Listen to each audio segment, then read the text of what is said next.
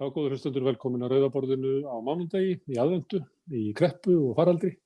Við sittum hér og erum alltaf reyna átt okkur á samfélaginu sem við lögum í og uh, stundum kemur hingað Ragnar Aðarsteinsson og við ræðum við hann og aðra gesti um, um dómsmál og í síðasta þeim þeirra þáttar að þá voru við að ræða stjórnarskorna og Ragnar eiginlega óskaði eftir því að fá að ræða um, um rétt almennings til upprisnar og það er tilumnið sem við setjumst hérna niður. Og auk Ragnars eru hér Solveig Anna Jónsdóttir sem er formadur eflingar. Og hún er líka einn af nýmenningunum sem ákjörðu voru í húsóldabildingunni fyrir grót gegn valdstjórnunni og, og gott ef ekki fyrir árás og sjálfræði alþingis ef ég maður rétt. Ég er líka Jórun Edda Helgadóttir, lögfræðingur sem maður dæmt fyrir brótið valdstjórnunni fyrir að standa upp í flugvel og mótmæla brottvísum hælisleitenda. Og svo er Ævar Kjartarsson útasmaður hér sem var ákjörður á samt heilum her manna við lífatn fyrir að sprengja stíplu í, í Lagsá fyrir, já, bráðið 50 árum held ég, þetta er 70 ára.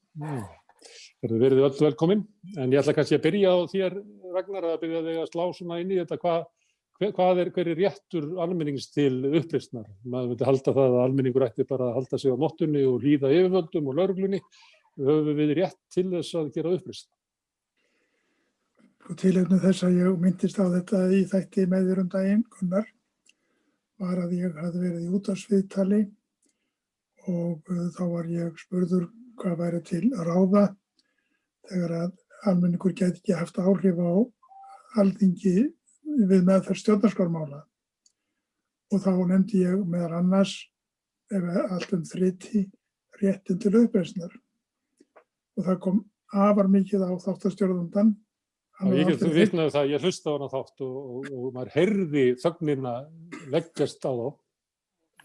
Hmm. Þá áttaði maður því að úr því að þessi ágættu maður hafði aldrei heist talað um þennan rétt að þá liti það sama eiga við um fleiri það merkir að við höfum ekki rætt þetta hér mikið hér á landi.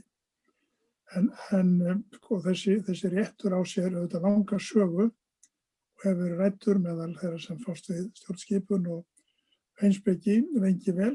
Við getum kannski nefnt fyrir 2500 árum í Kína þegar á tímum Konfúsiusar.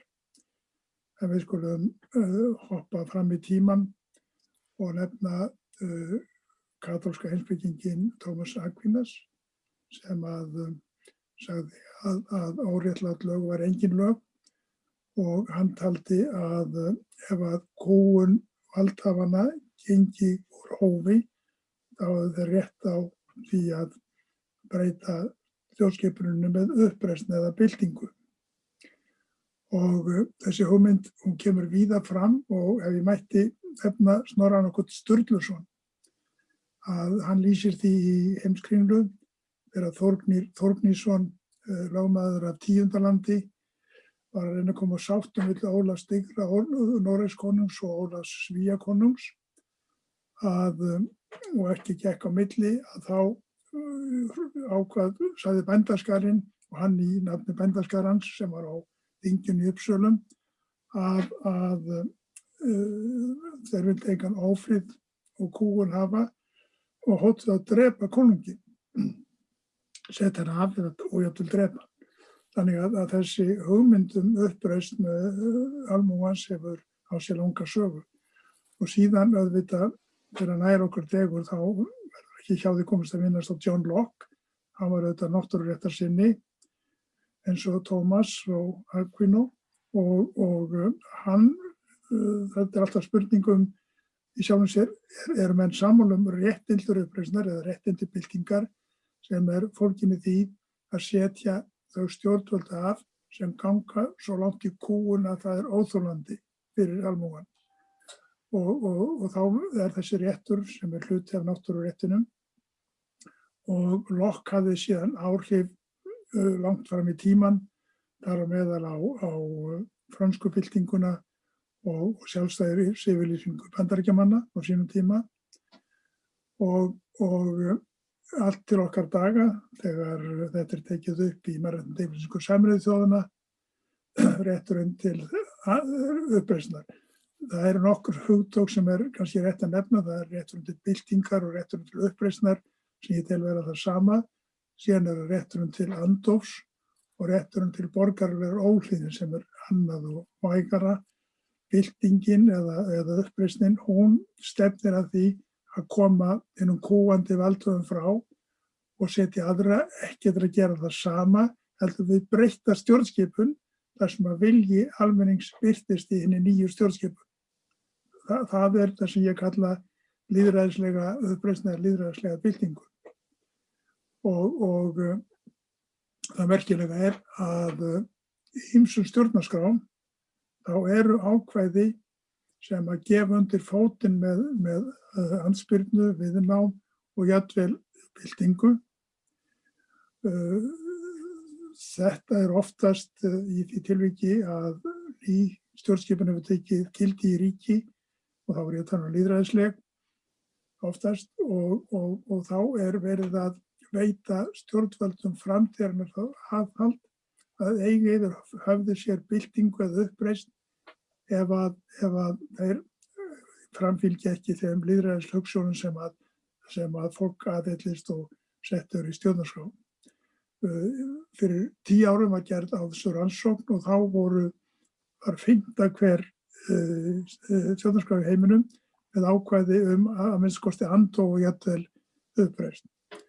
Þannig að fyrirbriðið er allt vel þekkt og komum að Íslandi þá ættum að gera það en senna. Já, en þú myndi vilja sjá svona í Íslenski stjórnarskrá sem bara sem út af aðhalds og svona, já, svona stöðu ógninni sem í svona ákvæði fælist. Já, en það, það, það er ekki, ekki nöðsyn að það sé í stjórnarskrá. Þetta er, þetta er réttur sem að stafara því að hið hinsta vald í samfélaginu er í höndun landsmanna og, og, og landsmenn aðfenda það til bráðabyrða til fulltrúa sinna og ef að þeir ekki standa sig og ganga gegn þeim hugmyndum sem að alþýðan býr yfir og krefst viðurkenningar á, þá er þetta að setja þá af mm. og koma nýri stjórnskipan sem byggir á vilja fólksins í landinu. Nú getur ykkur hugsað sér svo að, að Thomas Vakvínu og John Locke voru að vísa til samfélaga sem ekki voru jafn líðræðislega okkar, þar sem að réttur almennings var ekki jafn virtur, þar sem var ekki almennu kostlingaréttur. Þannig að þegar að við erum í slíku samfélagi sem almenningur kýs uh, valdhafana, þingið og, og ríki, þingið vel og ríkistjórn, uh, hvaðan kemur þá lögumætti uppristarinnar á móti þessu? Sko fulltrá líðræðið er sjálfsögðu að var veikburða og, og, og dýr okkur stundum skamt en, en réttlætingin er að sjálfsögðu ætið svo að, að uh, allt vald kemur hjá, hjá frá fólkinu í landinu. Það er einn fullvalda þjóð sem að ræður lögum og lofum og ef ekki er farið eftir vilja hennar þá er ekki manna að ræða en að breyta reglunum þannig að, að, að hægt sé að lífa við sóma og send. Mm, þessi eins konar borgarlega skilda hvers fyrir sig að, að reyna það í það minnsta. Það, það, það er margir, margir sem um þetta fjalla telja að þetta ekki bara réttur heldur líka skilda. Mm. Erðin, ég get nú ekki bóðið upp á íslenskt byltingafólk en ég get bóðið upp á fólk sem hefur verið með borgarlega ólíðinni, eh, mótmæli og, og reildaritt sem er, hefur verið með spellviki. Eh, Jórunetta, þú ert eh, nýdæmd fyrst í hérastómi og svo núna í síðustu viku varstu dæmd í, í landsrétti og þú ert dæmd fyrir, að, e, fyrir brot svo að það fresta refsingu og þegar maður skoðaði dómin að þá er það að frestum á refsingunni er lítið sem á sem svona virðing fyrir tjáningafrelsið þitt og málfrelsi og réttin til að mótmæla en samt eftir dæmd.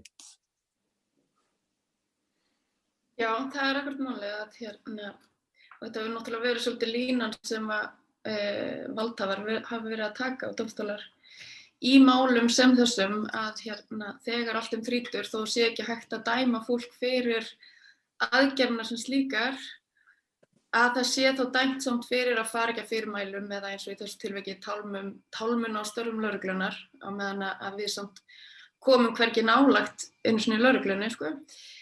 E, þetta er þetta er í raun og veru óþólandi e, ekki bara persónulega heldur vegna þess að þarna er í raun og veru mikill sigur sem fælst í þessum dómi fyrir tjáningafrælsið ef hann fengist án deg en þarna er líka mjög stark skilaboð send út til þeirra sem að ætla að, að gera sig líklega til þess að taka þátt í einhverjum mótmælum á einhverju tægi vegna þess að mjög gerðnan koma einmitt til sögu einhver, einhver, lögregla á, á einhvern hátt og e, þó að máli sé í raun og í stórum dráttum unnið þá endur við í sko núna þá sjáum við fram á að það verði sjö ára ferli að hafa þetta yfir okkar höfði. Þetta eru næstu í fimm ár lið, liðin frá því að atbyrnir átt sér stað og nú sjáum við fram á tveggjar og skilur til viðbótar auk uh, greiðslu málskostnaðar. Þannig að þetta er ekkit, þetta er ekkit lítill persónuleg fórnarkostnaðar sem fælst í þessu að, að, hérna, að fara út í, í þessar aðgerðir. Um, Þann... einu, er, er málið lokið ykkar hálfu ætlið að áfrí að fara með þetta lengra til mannriðdöndómsins sko, eða er, er, er sigur ykkar nógu mikið að það er eiginlega ekki verjandi að fara að halda áfram með, ég býst við þessi mikil persónuleg óþægandi og svona álag að vera með svona máli í tónskjöruna ætlið þið að, að sætt okkur við þessa niðurstöðu ætlið að fara með þetta lengra Sko við Ragnar höfum enn ekki komið saman til þess að ræða þetta til hlítar en hérna ég eins og ég sé það núna þá hérna eh, hef ég hugsað mér að hlýta þessum dómi. Hann er hérna, sérst, þarna er farið út í eh, bara ákveðin skilirði sem setti fyrir dóma sem varða tjáningafrelsi og þar leðandi mótmálafrelsi og, og því eh, leifi í raun og veru almennings til þess að standa upp fyrir réttindum sínum og annara og, og, hérna, og það er mjög mikilvægt. Þarna eru svolítið ákveðina atrið líka sem að ég tel nokkuð alvarleg og það væri svo sem hérna áhugavert að fá betur ála uh, hérna, að heyra hvað Ragnari finnst um það eins og þetta. Við séum dæmdar saman, við erum sko, erum ákjærðar saman sem einstaklingur, við erum dæmdar saman. Og þarna til dæms atriði uh, fara ekki að fyrirmælum flugver, flugverja að það í raun og veru telst sannað á Ragnheiði en við erum báða dæmdar fyrir það. Þetta virkar á mig sem hóprefsingir og, og hérna e, það verður já áhugavert að heyra hvað Ragnar hefur að segja um fordæmskildi þessa. Um, svo er náttúrulega sko já það er ímislegt svona hitt og þetta sem þetta týna til í þessum dómi sem ég er alls ekkert sátt við.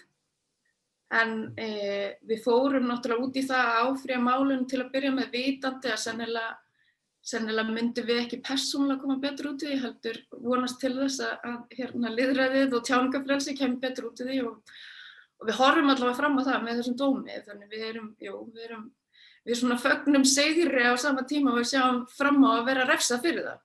Mm. Hver er sigurinn? Er það rétturinn til að mótmála? Þanga til að lauruglan segur að hætta því? Akkurat. Það er ekki, það er ekki stór réttur, það meiga þanga til að laurikla með því. Eins og ég segi, ég, væri, ég hefði mikið náttúrulega að heyra betur hva, hvernig Ragnar uh, tölkar þetta, hvernig hann sér þetta. Hann mm. kannski vil hérna bara koma með mm. svona einskott hérna núna. Já, endilega, Ragnar, hvað sér það? Og hérna, það hefur gengið afar elvilega að fórst við mál sem fjallum réttindi mótmælenda hér á landi og, og lengst af var það þannig að ef að yfirvaldið gaf fyrirmæli um að stöða mótmæli og, það, og, mótmæli voru ekki stöðbuð, þá var það orðið refsverð. Það var, það var ekkert verið að fjalla í sjálfum sér um mótmælin, heldur um ólínuna við valdið.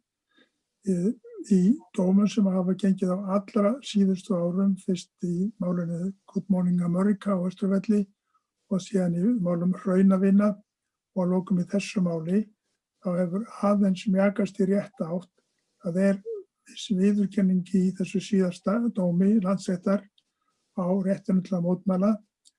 Og, og uh, ég skilða þannig að, að dómstólinn telji að ákveðuvaldi verða að sína fram á uh, hvað sé ólögmætt við framferði mótmennandans það sé ekki að skipunum að hlýða nema að skipun sé lögmætt í þenn skilningi. Þá hún eigi rétt á sér og það setja raukstíðana.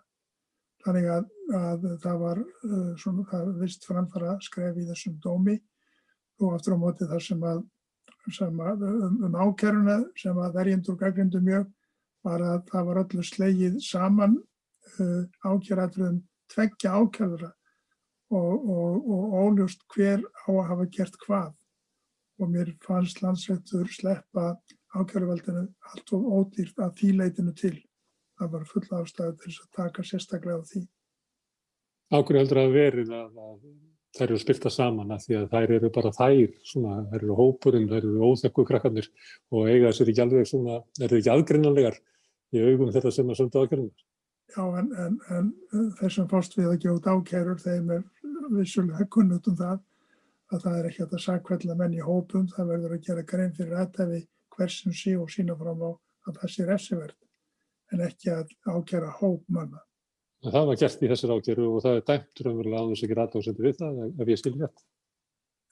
Já, það var þá heldur skári landsætti heldur en í hér að því mm. uh, vegna þess að, að uh, það var, var landsættu telur að flugfriðnar hafi sínt fram og sannað að, að uh, báð, báðar ákerðu að við haga sem við tiltöknum hætti og síðan er bætt við að önnur þeirra hafi sjálf gefið út ákvæmlega yfirlýsingu sem að var til þess að sanna endanlega en að þessu verið hátsemi sem talum var í gangi.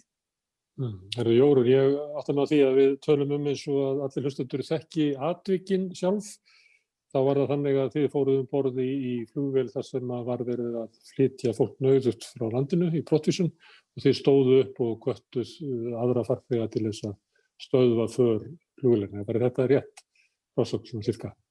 Já, ég vil kannski bæta í við að, að hérna, sagt, e, sá flóttamæður sem að, að þetta snýrst allt um, hann hafði verið hér á landi í fjögur ár og e, við, ég hafði fyllt hans máli allt frá upphafi og, og hérna, e, hópur fólks unnið að hans málum eftir, eftir löglegum leiðum og, og hann var með lögmann sem hafði e, að mikill eljursemi synd hans máli og hann hafði fengið margar alls konar neikvæðar hérna, ákvarnir í sínum málum.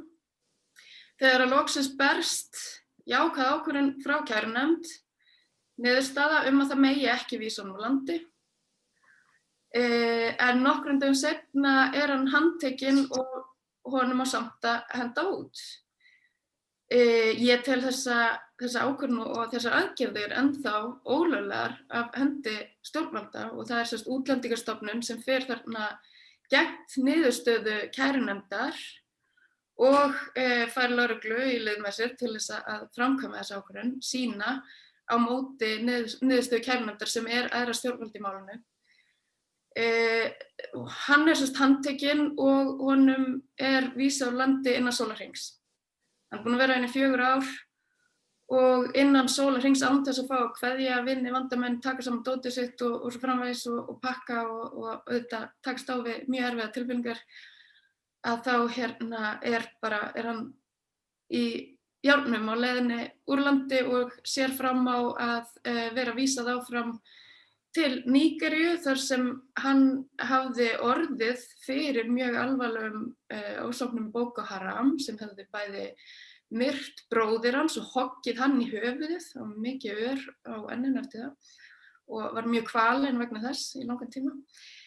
Uh, og þetta, hann sérst, hafði verið henni í fjögur ár, ég hafði synt hans máli persónulega og hann var góði vinnu minn og ég hreinlega gæti ekki setið hjá og hort upp á þetta gera, gerast án þess að reyna það sem ég gæti til, til þess að koma upp fyrir það. Og e, e, eins og ég sagt þér þá hérna í raun og breytir engum hvaða endala niðurstaða fæst þetta mál, ég get ekki séð eftir aðgerðunum, ég get ekki, ekki annað heldur en af fullum huga og hjarta staði með þeim og, og bara verið ánum með það að við höfum farið út í þetta og, og hérna, ekki, og reynda að koma með fyrir að þetta myndi gerast. Mm. Eh, órétt, óréttur sem að manninu var beittur að það hafi verið svo alvarlegur að það verið borgarlega skilda okkar að stíga upp og, og mótmæla og reyna að hindra uh, ofbeldi sem hann var fyrir að hálfu hins og mjög. Svolítið. Alveg algjörlega og uh, svo er náttúrulega það ferli sem tekur við þetta í gegnum domstóla og Ragnar hefur einmitt líka tekið þátti er akkurat að verjast áfram fyrir þessum rétti að meiga standa uppi fyrir velferð og lífum náungans, fólks mannslífum en samfélag sem að við, viðurkennir ekki slíka rétt er bara fullkomlega sjúkt samfélag og, og mm. þarf að breyta. Mm. Svolítið Anna, þú varst ákjærið á samt átt öðrum fyrir að hérna, gera tilhörn til þess að fara á, á þingpalla þegar að þingverðir vildu að stoppa það, að, að almenningu færi á þingpalla og það var, voru laungmálaferli.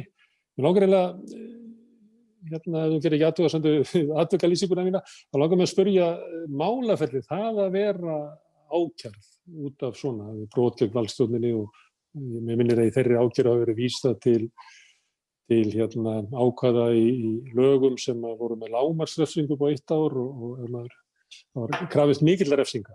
Það var, það var raunverulega sagt í ákjæru að þetta fólk hefði ætlað að taka völdin í landinu og taka völdin af valdingi.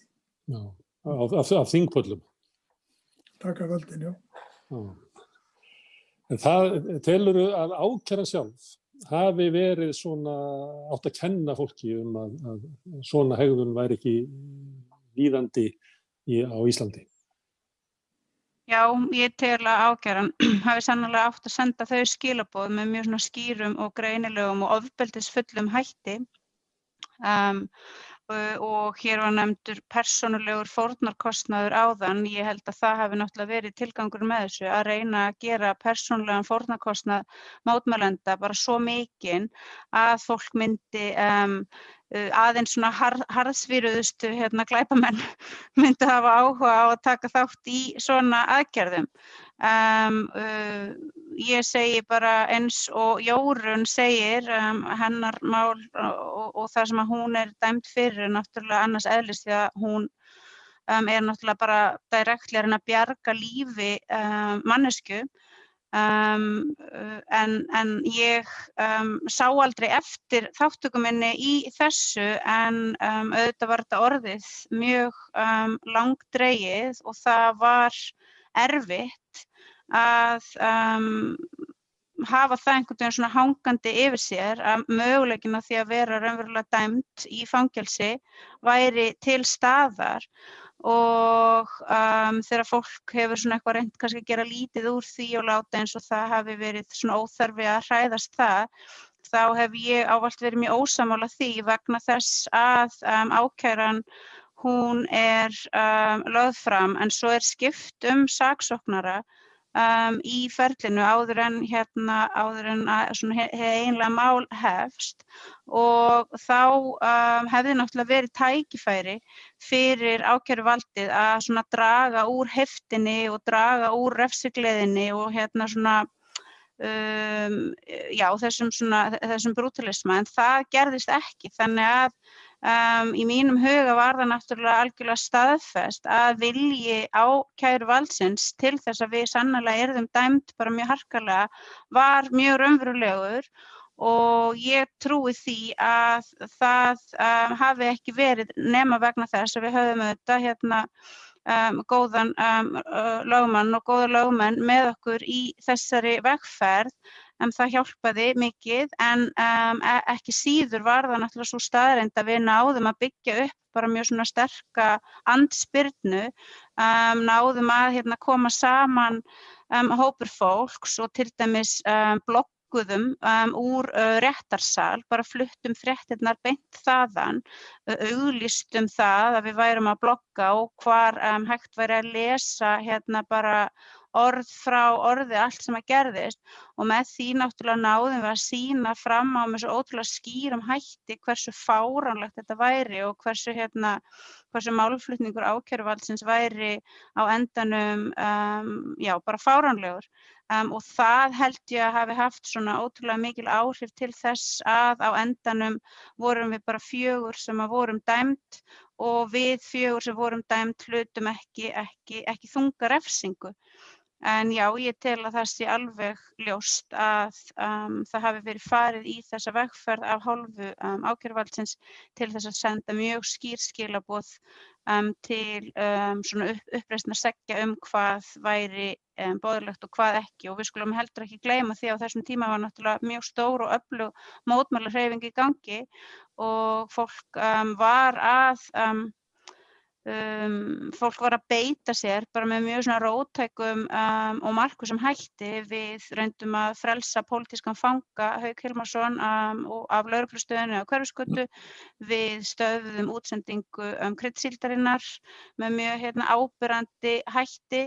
Um, og allt kulminæta þetta svo í, í því að um, ríkistjórnin fjall Um, þannig að við vorum náttúrulega sannarlega að gera stóra, uh, markvissa og mjög rótaka hluti um, og þegar við horfumst í augu við það og, og munum líka hversu, hversu harkalega lögurglun gekk fram þá um, tel ég bara augljóst að það hafi já sannarlega átt að senda mjög skýr skilabóð þarna.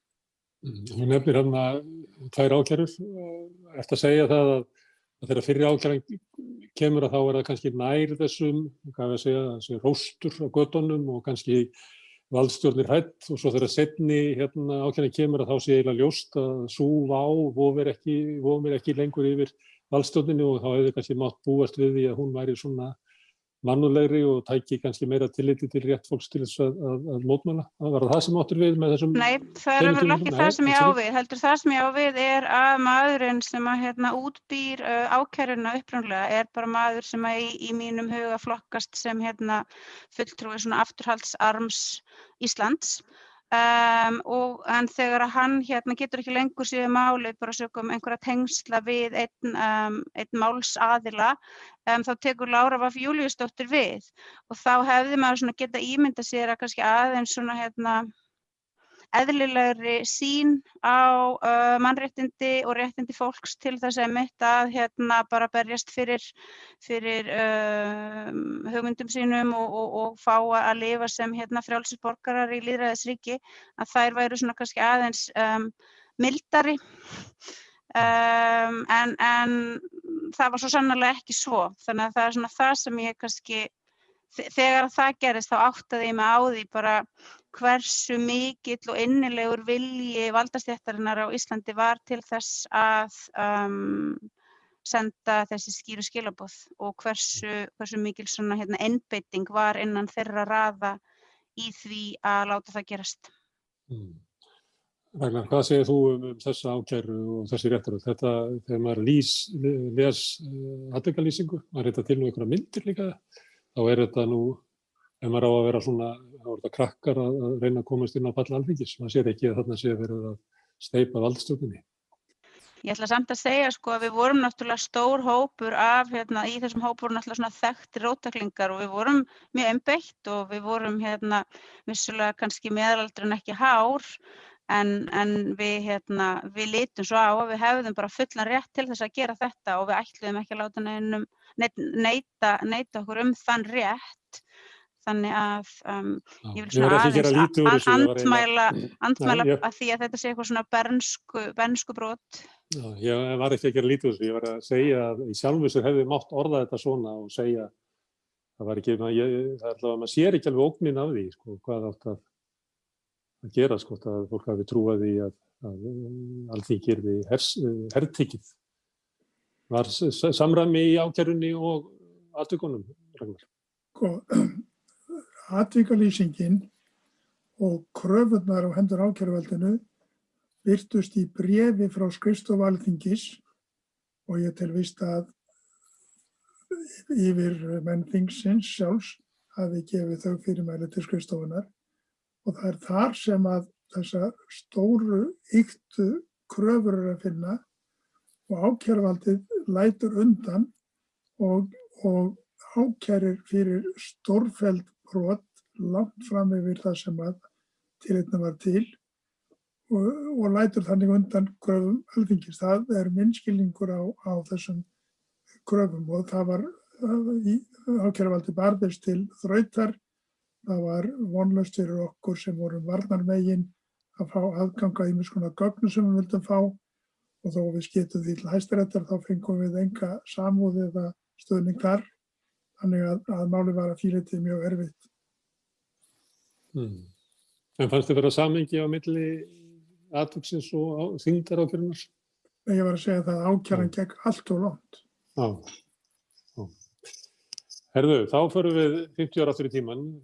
Ævar, hérna, sko þótt að Jórun og Solveig Anna hafi notið stuðning svona hóps í kringu sig, það væri hérna fólk sem að stuttuðu heilslugar, að þá var það ekki svona almennu stuðningur í samfélaginu, þetta ég geti fullirt. En þegar að, að eh, stíplan í Lagsá var sprengta þá var mjög almennu stuðningur í Mývasveld og mjög fljótlega bara almennu stuðningur við hérna, ykkur.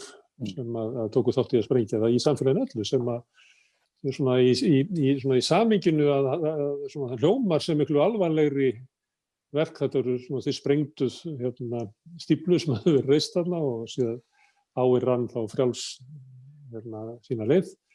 Virkar svona sem alvarlega heldur en að standa upp í flug, flugvél eða reyna að komast upp á þingpalla. Hvað er þetta, er það samfélagi sem hefur breyst? Er andrumið í samfélaginu öðruvísi? Var meira svona skilningur á rétti fólks til þess að mótmæla fyrir 50 árum heldur en núna? Eh, hvað hver er ástæðan fyrir þessum almenna skilningi sem að þið nutus? Já, ég, ég held að, að, að skilningurinn hafi nú ekki verið neitt meiri fyrir 50 árum. Hins vegar var þetta mál, þá var það, nöð, við nutum þess sem veit eins og þú nefnir, að eh, almenningur taldi þetta í rauninni eðlilega varnaraðgerð gegn eh, aðilum sem, sem höfðu farið ítla með bændur og sínt bændum í rauninni fyrirlitningu með, fram, með framkomu sinni. Og það er kannski, þar er kannski kemur að þessu, uh, þessu samhengi að, að, að um, lagsárvirkun var, þess að stjórn lagsárvirkunar var í rauninni uh, altså anstæðingurinn í þessu tilviki og það var engin vettfangur til þess að ræða eða taka, takast á um málið í fljóttu bræði. En það var allavega matbænda, fórsvarsmanna bænda, að þeir hefðu engan í rauninni aðganga að því að, að ræða við stjórn lagstafn til dæmi.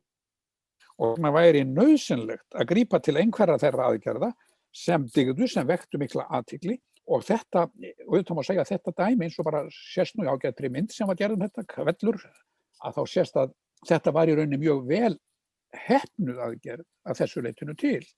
Og kannski, mér langar bara til að nefna það í framhaldi því sem Ragnar sagði hérna í byrjun að auðvitað er ákveðin kannski undirliggjandi viðurkenning á því að, að menn geti haft, að geti skapast þær aðstæður að menn hafi fullan fulla ástæðu til og fullan rétt til þess að grípa til aðgerða. Og ég var nú bara að fá í hendur hérna áðan bók eftir sér að Gunnar Kristjánsson þar sem hann er að tala um, um, um, um Mattias Jókumsson og hans hugarheim. Og þar einmitt kemur fram að að, e, að allt svo þeir Amerikanar, sko það er transcendentalistar sem Mattias Jókumsson var í ákveðnum kynnum við.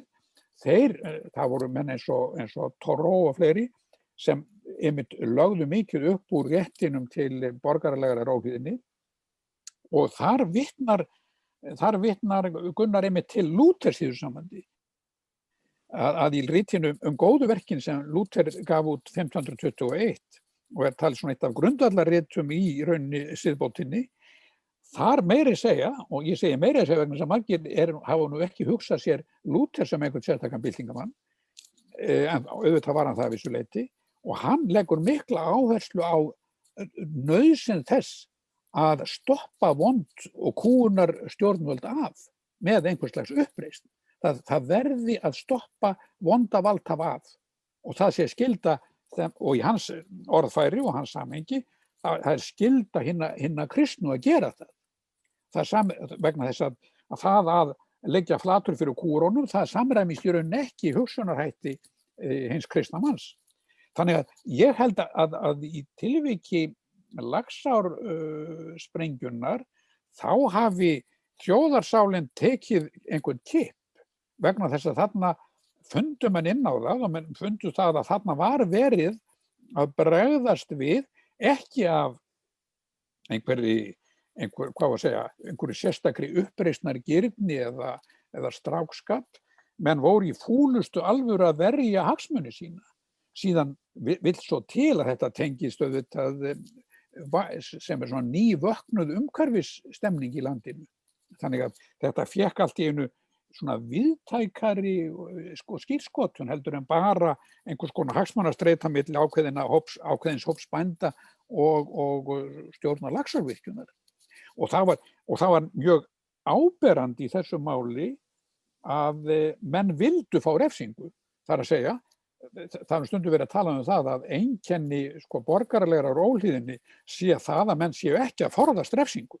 Að menn vilji láta reyna á, á það alla leið og þegar átt að, að, að sækja lít, tiltörulega lítinn hóp til saka fyrir þetta spellvirki, þá tóku, tók miklu stærri hópu sér til að kærði sig inn á sakalskrá.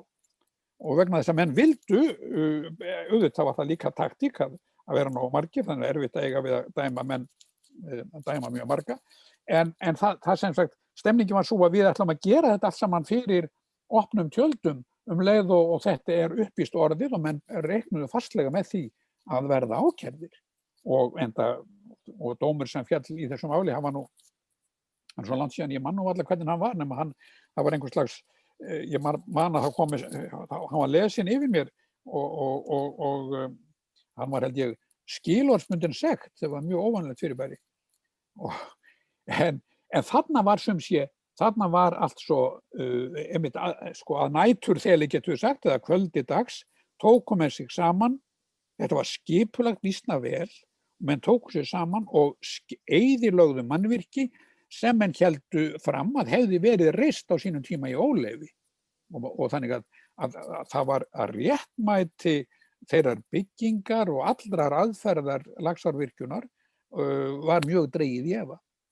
Mm. Eins og það getum við sagt að þegar ég er að hlusta á þær Jórunni og, og, og Solveigu að þetta eru við það, sko menn, svona mál eru þetta mjög svona mis hvað að segja, misvíð eða misströng og, og stundum, ég hef reyndar verið dæmdur í annað skipti fyrir, fyrir að, að, að, að stöðva almanna þjónustu í landinu, þar að segja í byrjun BSRB verkvalls árið 1984, þá, þá stöðuðu starfsmannafjöl útvarps og sjónvars uh, útsendingar ríkis útvarpsins Eh, fjórum dögum áður en verkvall hófst og það var ansvar við ákvörðun fjármálar á þeirra að greiða ekki út laun, þar sé að með fengi ekki einu sinni laun þessa fjóradaga.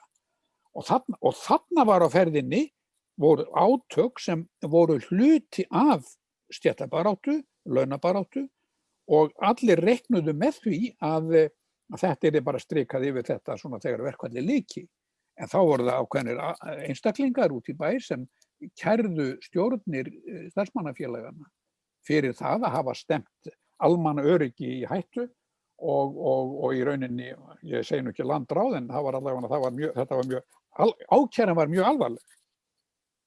Mástu hvað dómurinn var í því? Varstu dómur þá líka eða? Ég venn að viðkjanna, ég bara manna ekki.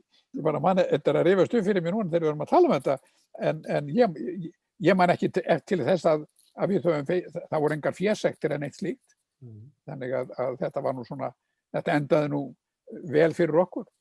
Mm. Þú lætu vita að það rifjast upp fleiri svona dómar sem það var fengið. já, já, já. Það segðu mér eitt, hérna, e, þegar voru mótmæli sem voru líka sprottin af umhverfisvend við Káranjúka, þá gekk laurugla og yfirvöld svolítið fram að ykkur hörku. Fannstu til samljóns með því eða fannst þér þá harkan í, í, í þeim málum vera meiri heldur en að, byggurðu varir við í eftirmálum hérna kvelds með sprengjunars í Laxá? Sko það var miklu meiri harka í, í Karanjókamálum og þá var enda komin upp þessi staðar sem er svo, sem er svo, sem þarf að segja, hverjir eru það sem er að mótmæla? Eh, sko þar var allt í hennu komin hópur duglegs fólks sem, sem í rauninni vildi mótmæla þessu svo sem er svo fyrir hönd sjálfsagt þjóðarinnar og, og náttúrunnar og, og framtíðarinnar. En það voru ekki endilega eins og í miðkvíslarmálinu þá voru þetta fyrst og fremst segja staðarfólk, það voru, það voru fólkið í kring, það voru fólkið í sveitinni í aðaldal og mjóasveit sem, sem tók sig til og, og var að berjast fyrir sínum réttindum.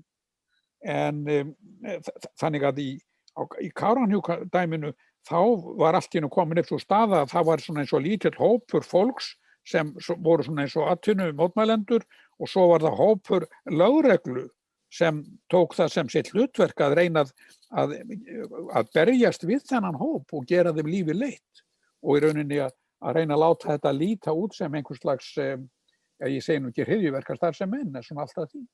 Það var, það var það. Það, það var heræfing NATO á þessu tíma sem var eiginlega gengið út frá því að ókninn stafaði frá svona hriðjuverka náttúruvenda sinnum. Jú, já.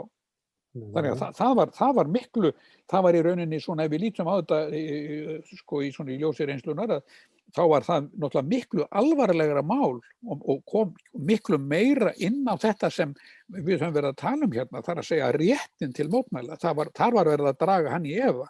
En í rauninni í dæmi, í miðkvíslardæminu, þá var engin að draga réttin í sjálfu sér í efa. Þó að, þó að hérna, aftur að þarna voru unnin ákveðin eh, skemdarverka á egnum Eh, steinsteip hefur alltaf verið Íslandingum kær og þarna verið verið að sprengja steinsteipstan vekk að þá var þóttið það eðlilegt að, að, að, að ákæra fólk en það var í rauninni engin að segja eða mjög fáið sem sögðu að því það er ekki rétt til þess að mótmæla. Mm. Þannig að mm. það, það er, þarna er heilmikið munur á. Munurinn er líka sá að, að svona sagan er þannig að þeir sem að sprengtu stípluna eru eiginlega svona sigurverðar sögunar En hérna, Jórun, upplifir það að, að hérna, þið sem að voru að mótmála þarna að, að það sé að hafa orðið sé að verða vendipunktur og þið séu svona réttu með í sögunar eða, eða gæti verið að, að þau sem að fara að dæmi ykkar bara lengi ennum sinn myndu vera svona, hvað við segja, svona aðarsett og skilgrind sem ókvið samfélagið á meðan að þetta er svona þegar ég og, og ævar er að tala um þetta, þá er tala um þetta þess að það sé svona gömul gamansaga eiginlega, þetta er svo léttvægt og, og, og skemmtilegt til upprifinar, mm. en það er meiri óg svona í því hvernig það var tekið á ykkur og hvernig er tekið á mótmælundum sem að mótmældu við Kárinjúka og þeim sem hafa verið að mótmæla e, meðferð á hælisleitildur og flottafólki svona undan fyrir náður. Er það ekki, Jórum? Já, það hefur náttúrulega alveg mjög gætnan verið tekið uh, harkalega á mótmælandum sérstaklega þegar lögregla til þessi komast upp með það eitthvað leiti uh, eins og maður sá til dæmis í hérna, búsáldubildingunum leið og mannskarinn mingaði þá fór lögreglan alltaf að ganga fram að miklu meiri hörku og sérstaklega þegar fjölmjölar hurfu og, og það voru færri myndavelar og lofti og slíkt. Uh, ef stuðningur almennings er kannski tvíraður þá eh, virðist laurugla bara ganga miklu harkalegar fram að því hún til þess að geta komst upp með það. Hún metu það sem svo að hún hafi stuðningur umverulega við harðri framgöngu sinni þegar að, að ég fylg þótt að þjóðum í klófin. Eitthvað slíkt, já. Mm. En sko e, þessi réttur til mótmæla, jú, þessi dómur náttúrulega að minnstúst er mögulegur vendipunktur og hérna það þarf náttúrulega þarf að ganga lengra og þarf að fá það viðkjant að einmitt það trublanir uh, og, og sko fyrirmæli og störf lögreglu að þau, hérna, að þau séu ekki eitthvað sem að sé sett fyrir aðgerðum sem er mikilværi heldur um þau störfi að þau fyrirmæli. Uh, það er svona, sko, það er náttúrulega, hún hefur verið til umfjölduna líka hann að 19. greinin uh, um sérst, þá fyrirmæli lauruglega ekki Ragnar Jú. og það er annað sem að hérna já, einmitt, Ragnar hefur kannski hérna, getur gert betri skil en, en það sko að e, fyrir að það þurfa að vera að fyrirmæli lauruglu þurfa að vera hafa lögmæti, að þau séu ekki bara út í bláin, það var náttúrulega orðið þannig að laurugla gæti gefið hvað fyrirmæli sem var bara sem, sem henni hendaði og fólki bara fara eftir mig. Þetta hefur verið að breytast, þetta er mjög mikilvæg breyting. En það er að sama samt aðeins eins og þarna, það, það er aldrei skoðað hvort að, að hérna, þessi aðgerð uh, að vísa uh, flótamannum úr landi hvort að hún hafi verið löglega eða ekki og hvort að þá aðgerðir útlendingastofnar og þar leðandi lögreglu hafi verið löglegar til að byrja með.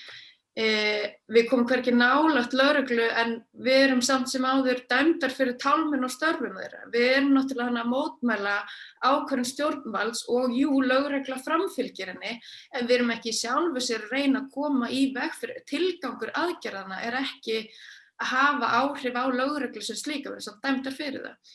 Og það er þetta sko, þetta að þegar laurugla, sé, þegar laurugla er að framfylgja ákvörðinum stjórnvalda að sko, þá, þá má lögregla í raun og veru ekki verða einhvers konar hluti af leiknum hana. Það er bara, það er aukaðatriði. Það verður að vera aukaðatriði vegna þess að það eru ákveðinni stjórnvalda sem eru til skoðunar, sem er verið að mótmæla og það verður að horfa á þannig. Hmm. Svolítið enna, lítur þú svo á að, að þið nýmenningar hafi notið viðtagsstuðnings í samfélaginu eða er kannski meiri luti samfélagsins á því að að jújú jú, það má mótmála en kannski ekki svona og ekki þýð og ekki þessu tíma og ekki þessu augnabliki eins og oft er.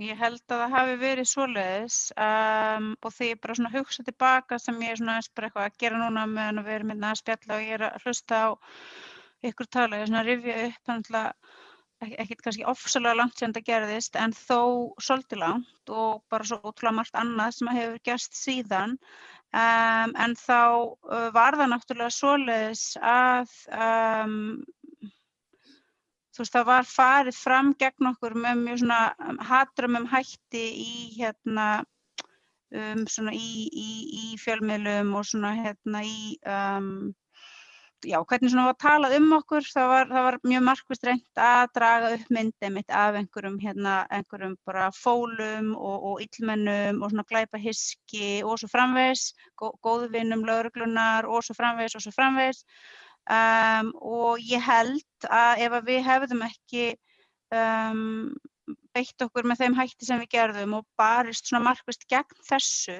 þá hefði þetta mögulega um, náð einhvern veginn að ráða stemningunni en svo auðvita var mjög stór hópur af fólki sem hafði verið aktíft í þessari mótmála hreyfingu sem að stutti okkur bara frá fyrsta degi og sem að um, stutti okkur með ráðum og dáðum og mætti og barðist fyrir okkar hönd og var tilbúið til að beita sér á ymsum vettvangi.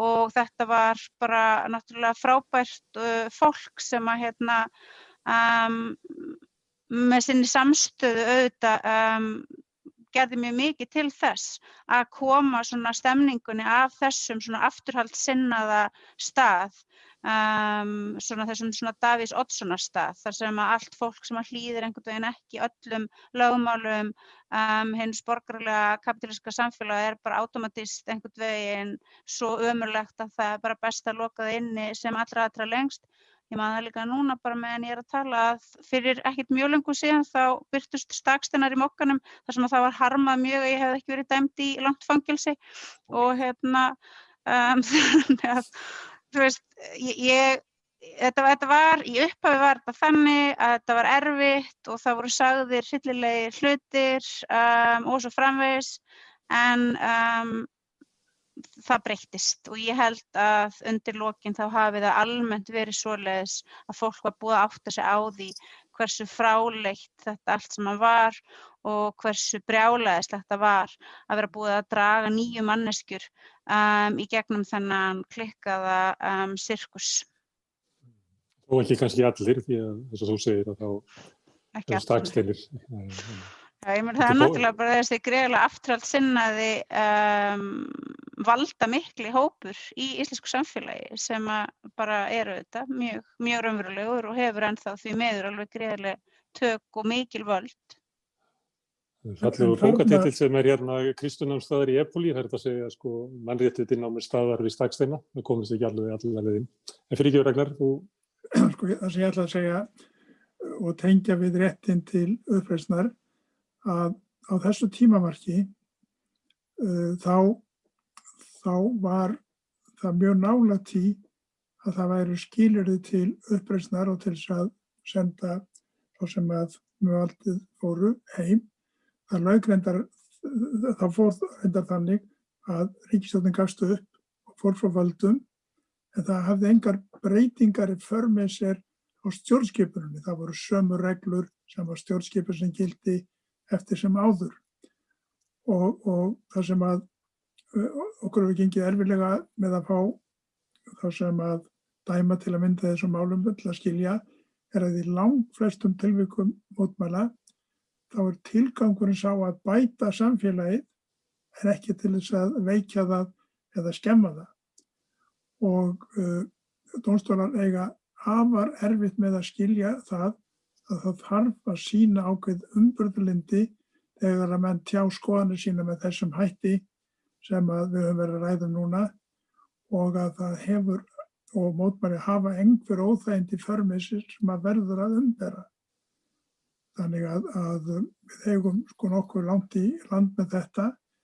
En ég minni þó á að til að mynda þegar Lárus Pál var handtekinn fyrir framann sendir að vandrargemanna í Reykjavík. Þá var hann með skildi sem allit og kánstéttinni sem ástóð fríður eða eitthvað álíka, ekki aggressíft. Og Láruglan kom og vildi að hann færi og hann sagði nei, ég er hér í fullum rétti, ég hef ekkert gert af mér. Láruglan tók hann samt Uh, og uh, hann var dæmdur í héræði. Það fegst ekki áfríðunarlefi til hæstaréttar, hæstaréttur sinniðum áfríðunarlefi sem að sínir sko skilningin á, á mótmælum eða vannskilningin á mótmælum og, og uh, þetta er aðeins skánað með þessum síðasta dómi. Það er viðurkenning á því að lauruglan eða flugverjar get ekki gefið mönnum fyrirmæli nema að það sé rábrot framið eins og gerðist í raunavinnumálunum. Svo telur að lauruglan og áklæru valdi verða að taka tillit í þessa dóms í framtíðinni? Það sálsögðu. Mm. En segðu mér Ragnar, hérna, hvenna má maður hérna, sprengja stíplu og hvenna má maður stoppa flugumferð? Þú ert að segja að það sé borgarlega skilda að, að, að hérna, vera með upplýst gegn óréttlæti. Hvað getur nefnt svona Já, dæmi, sko. ég, ætla að byrja fyrir að nefna dæmi um eitthvað sem er í gangi í samfélaginu núna sem er gæfið tilumni til upplýstnar. Já, ég skal, ég skal nefna dæmi. Það gerðist fyrir átta árum að eh, tver triðju kjósenda hér á landi eh, komst þeirri niðurstöðu að það veri rétt að lágjæðavaldið sem fer með stjórnarskrafvaldið legði tiltekna tillög og stjórnlagar aðstil grundvallar nýri stjórnarskrá í landinu. Og síðan eru átta ár og það verður ekkert gerst. Og þetta er einhver, einhver alvarlegasta aðfara líðræðinu hér í landi sem ég get nefnt. Og um, vegna þess kannski hversu það gerðist hægt en ekki sem einn atbörður þá urðu engin átök. Þetta leiti ekki til verulegra átaka til dæmis þannig að fólk væri út á götur. Og, og, og um, það er kannski vegna þess að við hér á landi erum töluvert valdlíðin, það er svona einveldis, einveldis bragur á mörgu hér og, og það þarf mikið til þess að við bregðumst við en, en þarna var tilhætni til þess að íhuga hvað gera skildi en það gerðist ekki. Kanski líka vegna þess að það er engin kannski skýr tími þegar í ljós kemur að þingið ætlar ekki að vera eftir þessu. Það er bara eitthvað langa tíma að venja þessu. Svolítið annað, það var hérna, minnst hérna á aðgerðir starfsmannafélags hérna, Ríkisútarsins. Frá þeim tíma hefur vinnu lögjöfin verið þrengd enn frekar og þrengt að rétti almennings til verkvalla og að grýpa til aðgerða. Það er starfsmönnum er óæmilt að fara í setuverkvall og hlera sem að fólk mátti kannski á áttunda árandugum, ef ég, ég held að það náði alveg þangað. Uh, hvað í, í svona kjaradeilum og, og kjaradeilur og verkvöld og verkalýsbaróta verkalýsins hefur kannski uh, byggt upp samfélagi eins og Ragnar verður vísa til að þeirra er mótmælu okkur aðgerið að vera yfirleitt til þess að bæta samfélagi og það er bara staðrindað á 20. stöld að varða þannig en nú er alltaf verið að þrengja þessu réttundum og það er fríðarskilda og þegar samningar eru þá má verkalýðurinn ekki grípa til aðgerða. Þessi borgarlega skilda sem að Ragnar er að vísa til nær hún yfir þetta. Ætti fólk sem er í, í kjaradeilum til dæmis, flugvirkjar sem voru að fá sér lög og það var náttúrulega fleiri, fleiri hérna, verið gripið inn í verkvöld, fleiri stjætt af undarföllum hérna, árum. Kemur að því að, að, að starfsmannahópur eða, eða starfstjætt á ekki að sæta þessu, heldur að fara áfram og reyna að brjóta ísin, brjóta veggin til þess að búa til sóknarfæri fyrir fleiri og ná sínum rétti fram. Þú meinar þá að hlýta ekki friðarskildunni sem að ríkir á milli... Til dæmis um, eða lögum á verkfall, nú eru verið að leggja til að að ríkisáttar sem verði í falinn þá, þá vald að geta fresta verkvallum og það eru svona mörgu ákvæða sem er svona álitamál fyrir hóp sem er í baróttu hvort hann eigi að hlýða mm. eða hvort hann eigi að halda baróttun áfram. Hvor hefur rétt á því við að halda baróttun áfram eða eigum við að hlýða valdhauðum sem að segja okkur að hætta því. Og við náttúrulega í eblingu höfum núna um, á þessum síðustu árum um, verið að nota verkfallsvopnið með um, markvissum hætti um, og við uh, höfum sem sagt verið um, eblingar félagar, uh, verka og lálunafólk hafa farið í verkfall, bara sem sagt alvöru stór um, og áhrifamikil verkfall um, sem að engu að síður hafa þó um, verið um, algjörlega lögleg og við höfum gætt þess mjög vel að einmitt vanda mjög vel til verka um, vegna þess að um, í fyrsta lagi er það náttúrulega svo að verka og lálunafólk hefur ekki staðið í svona markvissri rótækri stjættabaráttu mjög lengi og um, þess vegna hef ég bara metið það sem svo að það verði mitt að vanda eins mikið til verka og hægt er. Ég vil ekki axla þá ábyrð að um, hvetja mína félaga, félagsmenni eflingu til þess að kjósa með verkvalli og um, þurfa svo einhvern veginn að auðna því að félagsdómur hveði svo upp að ég hafi ekki undirbúið verkvalli með réttum hætti en auðvitað er það svo akkurat á þessum tímapunkti að við erum á mjög, mjög erfiðum og skrítnum stað. Við erum um, annars vegar um, á þessum kannski svolítið svona, já, ég kannski ekki hægt að tala ennþá um upphafsreit, en, en þó á einhvers konar svona upphafspunkti endur nýjaðrar rótækra stjættabartu um, og svo erum við með forsvarsmenn um, atvinnureikanda, um, fólkið í samtökum atvinnulífsins sem að um, ætlar sér greinilega að gera um, það sem í þeirra valdi stendur til þess að berja þessa um, stjættabaráttu niður með um, eins marku sem hætti og hægt er og um, eru núna að hvetja mjög til þess að einhver markvis vinna sé í gangi um, um, um hvernig um, leikreglurnar á íslensku vinnumarkaði séu og svo framvegis. Þannig að um, það er náttúrulega ekki annað heldur en hægt þá að hugsa til þess. Ég menna hvað, hvað þýðir raunverulega heið íslenska vinnumarkaðsmódel hvað græðir um, vinnuaflið, verka á lálunafólk, fólki sem að, hérna, um, er dæmt til þess að selja aðgang á vinnuaflinu sínu fyrir um, uh, all, allt og látt verð, arðrændustu meðlumir samfélagsins. Hvað höfum við grætt á því að lifa innan þessara ótrúlega ströngu um, regluna sem að gilda á íslensku vinnumarkaði?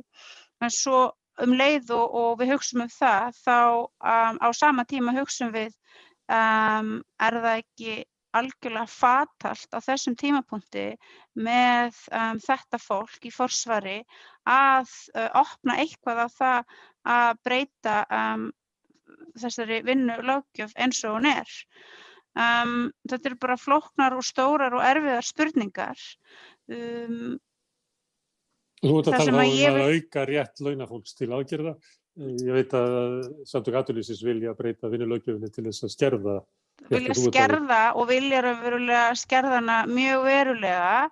Um, sko við náttúrulega erum bara á þessum stað og ég, ég er þess fullviss að ekki bara hér á Íslandi heldur bara allstæðir í veröldinni munu náttúrulega bara næstu ár, áratugir og við veitum ekkert hversu lengi munu bara einkennast af síharnandi hérna um, uppreisnar, um, tilraunum um, jaðarsetts fólks, verkafólks, uh, flóttamanna, ég menna við horfum á það sem hefur verið gerast í Fraklandi núna um, þar sem að skelfilegt lauruglu ofbeldi, opinberast, rasíst ofbeldi við um, höfum hér verið að ræða um, um, uh, einhvers konar hriðjuverk um, til þess að náttúru frelsa á Um, þetta er náttúrulega eitthvað sem að hlýtur að, fara að gerast með, með sífælt meiri og, og hérna, um, útbreytari hætti þegar að það er augljóst að um, hinn hin kapitalísku ríki eru algjörlega ófær og óvilju um það að stemma raunverulega stigu við um, lofslagsbreytingunum sem að munu leiða, leiða skelfilegustu ógefi mannkinsögunar yfir okkur öll og svo framvegis. Þannig að ég held að alveg sama hvaða skoðanir ég hafi á þessum málum eða við, þá sé, séum við óumflýjanlega að fara inn í tíma sem að munu óumflýjanlega einkennast af síharnandi stjætta átökum, sí um, stærri mótmála hreyfingum og auðvitað um, sífælt einbyttari vilja þeirra sem telja sig eigenda um, alls mannlegs samfélags til þess að berja niður þessa, þessar upplýsur.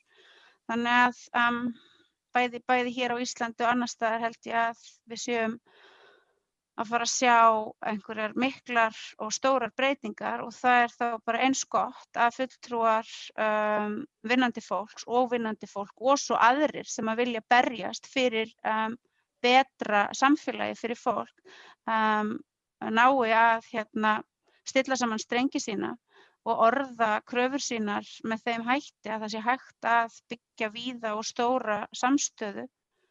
Um, ég veit að þetta er mjög hérna, viðfemt og stórt svar við kannski frekar afmarkaðri spurningu en, en ég um, ætla samt að leifa mér að hafa Við, þetta sem okkur, við- sættum okkur við það, við hérna, sættum okkur við það svar.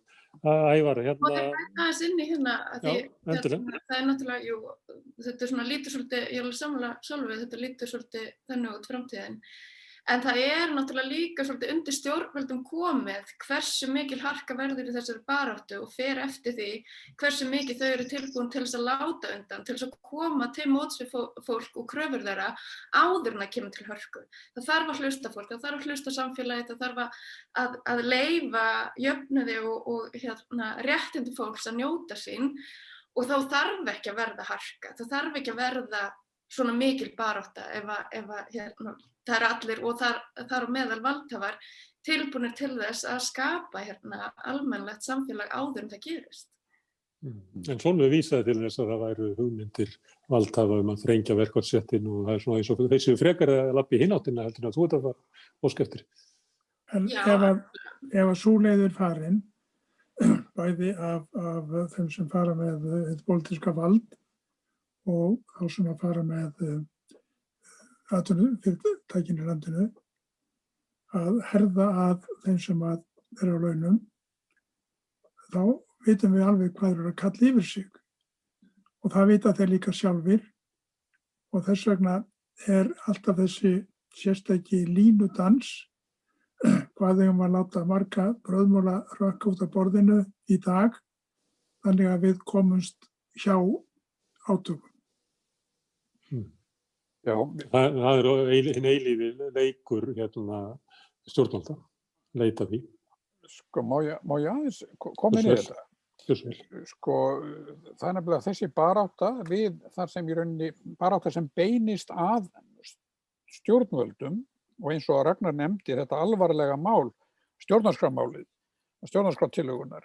Þetta, þetta, er, þetta, er, þetta er flókið og þungt og eins og hann sagði það hefur ekki leitt til bytna átaka, miskost ekki út á göttum. En þá kemur kannski líka reynda þessi, þessi, segja, þessi menning, þessi, þessi mótmæla menning eða umræðu menning sem okkar Íslandinga. Það kom hérna fram að þetta væri kannski svona einhver svona einveldis eh, hugsun eða við værum vönið að hlýða en, og það kom kannski mjög greinilegi ljós í, í, í, í mótmælanum eftir hrunið að, að, að menn stóðu á Östurvelli endalust og hendu ekkjum í þinghúsið en það dætt engum í hug einhvern veginn að fara með kúamikju og skella inn í bankana eða endurskónarskrifstofunar þú veist, það störta bara skýt yfir, þar að einhvers konar tákgrænar aðgerðir sem geta skipt mjög miklu máli ef þær eru rétt tímasettar. Og þess vegna er það þannig að ég held að þetta sé alveg rétt að, sem, sem Solveig Ann er að tala um, þetta, þessi, þessi verkefni framöndan sem kannski er ekki endilega mjög glæsileg, en ég verða að segja, manni líður stórum betur eftir að Solveig Ann og fleiri e, þessi nýja verkefliðsfóristu kom til sögunar það sem er verið að reyna að valda ebla verkefliðsreifinguna, það sem er virkilega verið að, að taka, tala um grundallar atrið í kapitalisman. Hins vegar má segja að ef að ef menn hafa stjórnvöld sem eru allavega samsett á Íslandi eins og bara núverandi ríkistjórn, ef að, ef að það er eins og alltaf stuðpúð í öllum málum, þá er hætt við því að það gangi mjög sent að knýja fram breytingar á, á, á, segja, á kjörum fólksbennlínis ef ekki tekst að, að sína eh, kapitalistunum nægilega hörku og einhvern veginn að sína þeim í tvo heimana. Því, því, og, og það þarf bæði að gera auðvitað með þessum hefðbunnu aðferðum verkefælisreifingarinnar en líka á stundum finnst mér að það þurfi að koma með, eins og fransku bændunir, að koma með sko kúamikjunni kjærlu. Mm vera frjó uh, pólitísk barátt að götunar. Já. Herðu, Ragnar, hérna, hérna þú baðst um þetta málefni, telur að, að við höfum farið sómasamlega yfir það? Já, ég vona minnst kosti að þeir sem að okkur hlusta að þeir gerir sig grein fyrir því að réttunum til uppreysnar er, er gammalt fyrirbæli og, og að uh, hann er utan stjórnskipunarinnar í mörgum tilvíkum en ekki alltaf þessi réttu til uppreysnar. Við, við, hann er notað til þess að breyta stjórnarfyrirkomuleginu í landinu án þess að notast við þau lög sem að gilda um breytingar á stjórnskipununni og það er það sem að engjannir svona uppreysnir eða byltingar. Og, og uh, við sjáum þetta að vitt og breytt um heiminn, við sjáum þetta í, ekki síst í Suður-Ameríku nýlega, þar sem fólk fór út á götur og það leiti til þess að, að stjórnvöldurðu að láta undan og, og, og leifa fólkinu að kjósa sér fólk til þess að búa til nýja stjórnskipun, hvernig sem það tekst svo til en annar mál. En, en, en, en uh, það þarf ekki alltaf blóðugar byltingar þess að breyta heiminum það eru konar, það eru alls konar byltingar, sumar hættulegar og, og aðrar ekki. En það er eiga leiða til uh, líðræðisleira umbóta sem að félast í betra samfélagi fyrir alla. Mm. Og þetta er bæði réttur okkar og borgarlega skilda að, að gera hvað við getum til þess að bæta samfélagi. Erðu við hérna sittum komu hér, ég þakka þið kjalla fyrir Ragnar að koma og leiða okkur inn í þessu umræðu og baróttu fólkinu, Jórunu Ettu, Solveig Önnu það verið kjarta sinni kærlega fyrir að setja þetta á gröðaborðið og taka þátt í spjallinu, hlustundu fyrir að, að staldra hérna við.